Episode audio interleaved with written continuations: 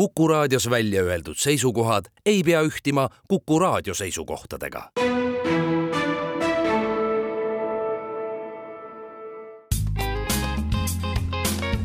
terviseminutid. saate toob kuulajateni pereoptika, kogu pere prillipood tere, head Kuku kuulajad, eetris on Terviseminutid ja me räägime täna müoopiast. mina olen Ingela Virkus ja koos minuga on stuudios pereoptika juhatuse esimees Jaan Põrk. tere! pereoptika optometrist Laura Tõnov. tere! ning Essilori prilliklaaside tootespetsialist Margo Tinna. tere! mis see müoopia siis täpsemalt on, mida see tähendab? müoopia on refraktsiooni viga, mille puhul inimene ei näe teravalt kaugele ja sel puhul siis on inimesel vaja miinusprilli. Aga see on peamiselt siiski ikkagi laste probleem, ma saan aru? Äh, lühinägevus tegelikult äh, tekib äh, lapsepõlves. aga kui ta juba lapsepõlves on tekkinud, siis ta läheb ikkagi täiskasvanu eas edasi. ja kahjuks süveneb väga-väga tõsiselt uuringud on näidanud, et lühinägevus ehk siis müoopia tekib kuni kolmandikul alg- ja põhikooliealistest lastest, et kui tõsine see olukord läbi teie praktika on?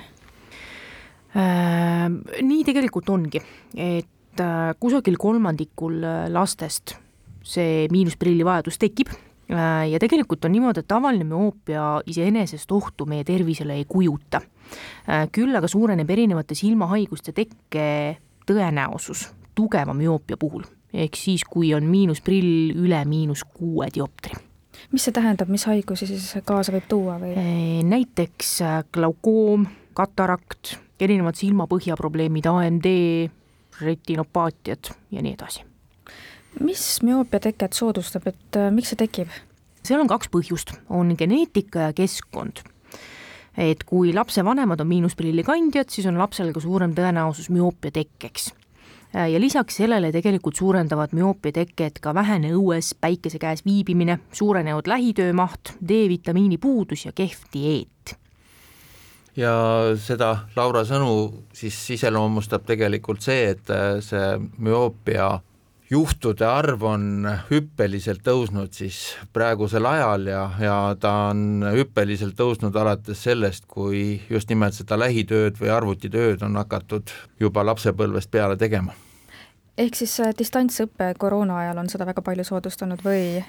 Ei, üldse ikka see nii-öelda lähitöö või äh, nii-öelda lühikene vaade, et äh, kõi-, vanasti ju lapsed tegelesid rohkem sellise looduses viibimise ja liikumisega ja kaugele vaatamisega ja see on nüüd ikka üpris lühikese aja jooksul muutunud.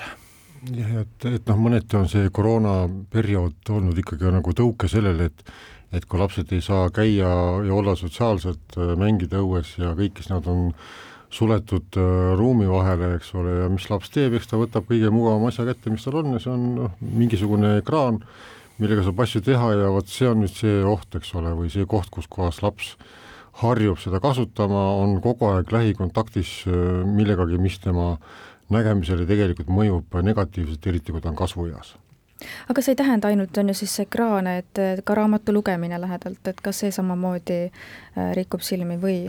noh, just või seal ikkagi on rohkem ikkagi ekraani no,, ekraanidel ekraanil on rohkem neid mõjutegureid, mis seda silma tervist äh, kahjustavad. Ja, ja ta töötab natuke teistmoodi kui peegeldunud valgus äh, ajalehe pealt või ta on ikkagi teistsuguste omadustega, nii et ekraan on selline noh, kahe otsaga asi kuidas sellist algavat äh, lühinägevust ära tunda, et äh, algklassi laps ei pruugi ise kuidagi kurta, et ta näeb halvasti ja ja kui teda miski segab, aga äh, siinkohal vist ilmselt peaks siis seda oskama märgata klassijuhataja, lapsevanem, et mis sellest märku võivad anda? näiteks kissitamine või peavalud, ei taheta ka klassis nii kaugel enam tahvlist istuda kelle poole siis äh, peaks kahtluse korral pöörduma, et äh, kas optometristi, perearsti, silmaarsti, et kes äh, lapse silmi müoopia kahtluse korral kontrollib? esmalt võib tegelikult pöörduda optometristi juurde, ka perearsti juurde ja need ongi tegelikult need inimesed, kes teostavad sellise esmase laste nägemiskontrolli. Kui aga on ka prillivajadus, siis saadetakse esimese prilli väljakirjutamiseks ikkagi edasi laps silmaarsti juurde ma tooksin ühe näite, kuidas lapsed varjavad tegelikult seda lühinägevust, et lastele meeldib istuda kaugel ja sealt kaugelt tehakse pilti ja telefonist vaadatakse seda, mida tahvlile nagu kirjutatakse, et igasuguseid nippe aga kas ei ole äkki mugavus, et ei viitsita see asi lihtsalt endale päevikusse näiteks ära kirjutada, lihtsam on see pilt teha ja pärast siis saab pildi pealt vaadata? no vot, need on uue aja võlud et ja probleemid. Vaadata sealjuures seda, et kas on kissitamist näiteks ja mingeid muid kaasavaid probleeme? just nii kui äh, nüüd äh, laps viiakse näiteks siis optometristi juurde nägemiskontrolli just selle kahtlusega, et äkki tal on müoopia, no võib-olla vanemad seda kohe ei oska kahtlustada, tullakse lihtsalt nägemiskontrolli, siis kuidas lapse nägemiskontroll välja näeb, kuidas ta silmi kontrollitakse mm,? Tegelikult on niimoodi, et kui laps tunneb juba tähti, siis see nägemiskontroll on üsna sarnane täiskasvanu omaga mis seal siis täpsemalt tehakse või kas müoopia, et kui teil endal on juba mingite sümptomite, kui vanem näiteks siis räägib, et äh, ta on koolis silmi kissitanud, tal on peavalud, siis teil juba tekib selline mõte, et äkki tal tõesti võibki olla müoopia, kas see müoopia kontroll või diagnoosimine käib kuidagi teistmoodi, et tehakse seal midagi teisiti?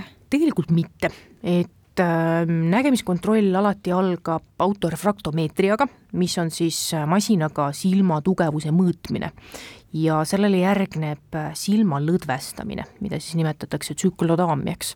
aga seda tegelikult tehakse põhimõtteliselt äh, igale inimesele, olenemata sellest, kas on tegemist müoopiaga, hüperoopiaga, astigmatismiga Need võib-olla kõlavad äh, inimesele, kes esimesel korral läheb nägemiskontrolli natukene hirmutavalt, et kas see on selline valulik äh, protsess või midagi kartma ei pea?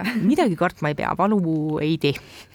ma tooksin ühe sellise koha välja veel, äh, mis võib näidata seda, et lapsel on nägemisega probleemid, et kui püsivus puudub, kui ei tehta selliseid äh, asju lõpuni ja, ja ei tehta püsivalt midagi, et hüpatakse nagu ühelt tegevuselt teisele, et see võib olla ka märk.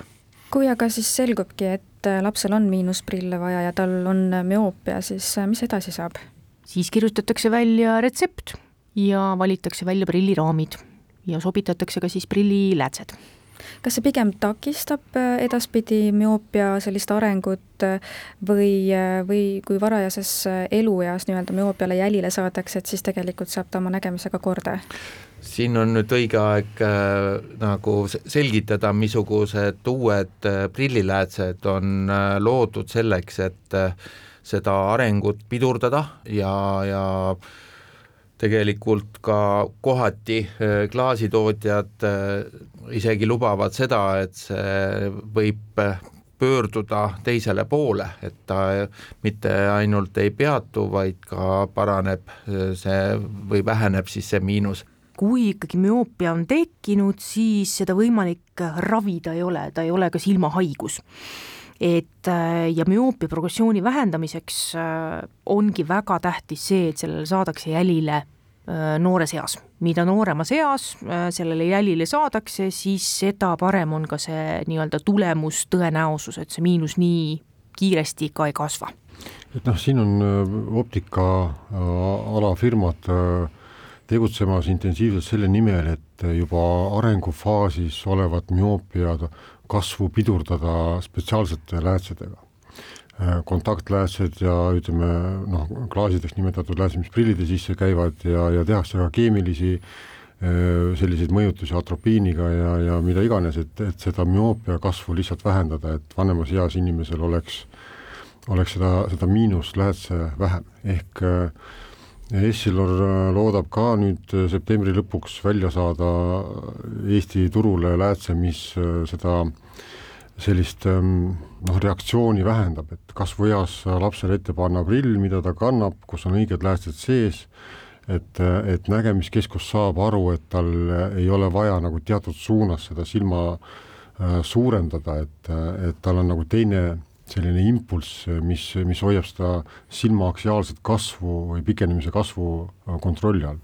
et noh, tänapäeval ongi nii kaugele jõutud, et lähenetakse juba ütleme, optiliste vahenditega sinna, et, et proovitakse tervise sellist äh, kahjulikku suunda muuta. Margo, te mainisite või korraks käis jutust läbi kontaktläätsed, et kui me räägime väikesest lapsest, kes, kellel on müoopia ja tal oleks prille näiteks vaja, aga ta on selline aktiivne laps, käib trennides, jookseb, möllab, et kas lastele üldse tehakse kontaktläätsesid või, või kui siin ongi lapsel valida kontaktlääts või prillid, mida siis eelistada? no tegelikult on niimoodi, et kui äh, lapsel on prillivajadus, siis tal nii või naa prill peab olemas olema. et kontaktläätse ilma selleta, et lapsel prilli oleks, välja ei kirjutata. aga tegelikult olenebki ikkagi nii-öelda situatsioonist, sest et äh, miinus äh, nii-öelda siis müoopia progressiooni puhul kasutatakse ka kõvasid kontaktläätsi, mis on siis ortokeratoläätsed, mis tegelikult pannakse silma öösel öösel see kõva kontaktlääts surub sarvkesta mm, lamedamaks, mis siis tähendab seda, et päeval tegelikult ta prilli kandma ei pea. kui ta nüüd vahepeal jälle seda kõva kontaktläätsi ei kanna, siis see miinus taastub uuesti. jah, aga kontaktläätsega selline protseduur on küllaltki vastutusrikas äh, asi vanematele ja ebamugav lapsele ja, ja prillidega ehk selle spetsiaalse prilliläätsega on neid protseduure ikka palju mugavam teha. ja uuringud näitavad ka, et äh, tegelikult äh, prillidega, kus on spetsiaalsed klaasid sees, saadakse noh, kõige paremaid tulemusi. ja ütleme, seal on risk sellele, et see mingisugused kõrvalprobleemid tekivad minimaalne aitäh teile saatesse tulemast ja nõu andmast, Jaan Põrk ja Laura Tõno Pereoptikast ning Margo Tinna-Issilarist terviseminutid. saate toob kuulajateni pereoptika, kogu pere prillipood